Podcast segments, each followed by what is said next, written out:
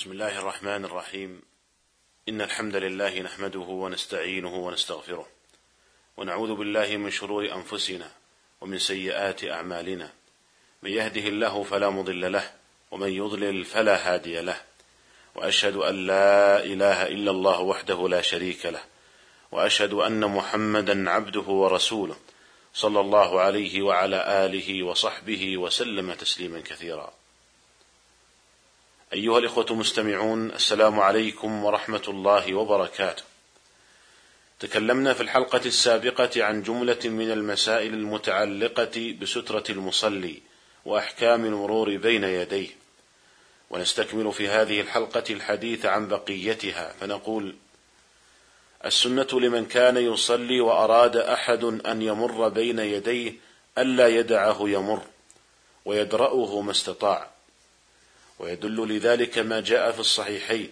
عن أبي صالح السمان قال رأيت أبا سعيد الخدري في يوم جمعة يصلي إلى شيء يستره من الناس فأراد شاب من بني أبي معيط أن يجتاز بين يديه فدفع أبو سعيد في صدره فنظر الشاب فلم يجد مساغا إلا بين يديه. فعاد ليجتاز فدفعه أبو سعيد أشد من الأولى فنال من أبي سعيد ثم دخل على مروان بن الحكم فشكى إليه ما لقي من أبي سعيد ودخل أبو سعيد خلفه على مروان فقال له مروان يا أبا سعيد ما لك ولابن أخيك؟ جاء يشكوك. فقال أبو سعيد سمعت رسول الله صلى الله عليه وسلم يقول إذا صلى أحدكم إلى شيء يستره من الناس فأراد أحد أن يجتاز بين يديه فليدفعه فإن أبى فليقاتله فإنما هو شيطان. وفي صحيح مسلم عن ابن عمر رضي الله عنهما أن النبي صلى الله عليه وسلم قال إذا كان أحدكم يصلي فلا يدع أحدا يمر بين يديه فإن أبى فليقاتله فإن معه القرين. قال النووي رحمه الله الأمر بدفع المار بين يدي المصلي أمر ندب وهو ندب متأكد. قال ولا أعلم أحدا من العلماء أوجبه. قال القاضي عياض وأجمعوا على أنه لا يلزمه مقاتلته بالسلاح ولا ما يؤدي إلى هلاكه. فإن دفعه بما يجوز فهلك من ذلك فلا قود عليه باتفاق العلماء. قال واتفقوا على أن هذا كله لمن لم يفرط في صلاته بل احتاط وصلى إلى سترة أو في مكان يأمن المرور بين يديه. ويدل عليه قوله عليه الصلاة والسلام في حديث أبي سعيد إذا صلى أحدكم إلى شيء يستره فأراد أحد أن يجتاز بين يديه فليدفع في نحره فإن أبى فليقاتل. قال وكذلك اتفقوا على أنه إذا مر لا يرده لئلا يصير مرورا ثانيا. ونقل الحافظ ابن حجر رحمه الله عن بعض العلماء أنه استنبط من قول النبي صلى الله عليه وسلم في هذا الحديث فإنما هو شيطان.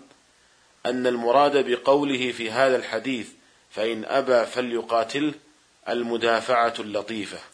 لا حقيقة القتال لأن مقاتلة الشيطان إنما هي بالاستعاذة والتستر عنه بالتسمية ونحوها. وإنما جاز الفعل اليسير في الصلاة للضرورة. فلو قاتله حقيقة المقاتلة لكان أشد على صلاته من المار. ولكن ما الحكمة من الأمر بدفع المار بين يدي المصلي؟ هل هو لخلل يقع في صلاة المصلي من المرور أو هو لدفع الإثم عن المار؟ قولان لأهل العلم. والأقرب والله تعالى أعلم هو الأول أي أنه لخلل يقع في صلاة المصلي من المرور. لأن إقبال المصلي على صلاته أولى له من اشتغاله بدفع الإثم عن غيره. وقد روى ابن أبي شيبة عن ابن مسعود رضي الله عنه قال إن المرور بين يدي المصلي يقطع نصف صلاته. وروى أبو نعيم عن عمر بن الخطاب رضي الله عنه قال لو يعلم المصلي ما ينقص من صلاته بالمرور بين يديه ما صلى إلا إلى شيء يستره من الناس. قال الحافظ ابن حجر رحمه الله هذان الأثران مقتضاهما أن الدفع لخلل يتعلق بصلاة المصلي ولا يختص بالمار. وهما وإن كانا موقوفين لفظا فحكمهما حكم الرفع لأن مثلهما لا يقال بالرأي. انتهى كلامه رحمه الله. وإذا كان المرور بين يدي المصلي ينقص من أجل صلاته فقد دلت السنة على أن مرور المرأة والحمار والكلب الأسود يقطع الصلاة. في صحيح مسلم عن عبد الله بن الصامت عن أبي ذر رضي الله عنه قال قال رسول الله صلى الله عليه وسلم إذا قام أحدكم يصلي فإنه يستره إذا كان بين يديه مثل آخرة الرحل فإن لم يكن بين يديه مثل آخرة الرحل فإنه يقطع صلاته الحمار والمرأة والكلب الأسود. قال عبد الله بن الصامت قلت يا أبا ذر ما بال الكلب الأسود من الكلب الأحمر من الكلب الأصفر؟ قال يا ابن أخي سألت رسول الله صلى الله عليه وسلم كما سألتني فقال الكلب الأسود شيطان. وفي صحيح مسلم أيضا عن أبي هريرة رضي الله عنه قال قال رسول الله صلى الله عليه وسلم يقطع الصلاة المرأة والحمار والكلب ويقي ذلك مثل مؤخرة الرحل. قال ابن القيم رحمه الله صح عن رسول الله صلى الله عليه وسلم أنه يقطع الصلاة المرأة والحمار والكلب الأسود. وثبت ذلك من رواية أبي ذر وأبي هريرة وابن عباس وعبد الله بن مغفل رضي الله تعالى عنهم. ومعارض هذه الأحاديث قسمان صحيح غير صريح وصريح غير صحيح. والقول بأن هذه الثلاثة المرأة والحمار والكلب الأسود تقطع الصلاة يستلزم القول بوجوب إعادة الصلاة واستئنافها من جديد إذا مرت بين يدي المصلي. قال سماحة الشيخ عبد العزيز بن باز رحمه الله قال هذه الثلاث تقطع صلاة المسلم والمسلمة إذا مر أحدها بين يديه أو بين يديها. في حدود ثلاثة أذرع من قدم المصلي فأقل إن لم يكن لهما سترة. فإن كان لهما سترة قطعت هذه الثلاث الصلاة إذا مر أحدها بين يدي المصلي وبين السترة.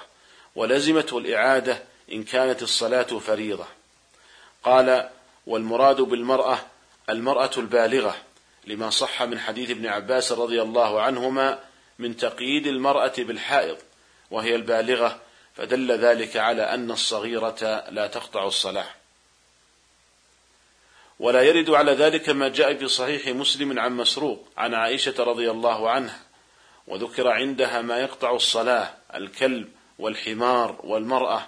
فقالت عائشة رضي الله عنها عدلتمونا بالكلاب والحمير والله لقد رأيت رسول الله صلى الله عليه وسلم يصلي وإني على السرير بينه وبين القبلة مضطجعة ورجلاي في قبلته فإذا سجد غمزني فقبضت رجلي وإذا قام بسطتها قالت والبيوت يومئذ ليس فيها مصابيح.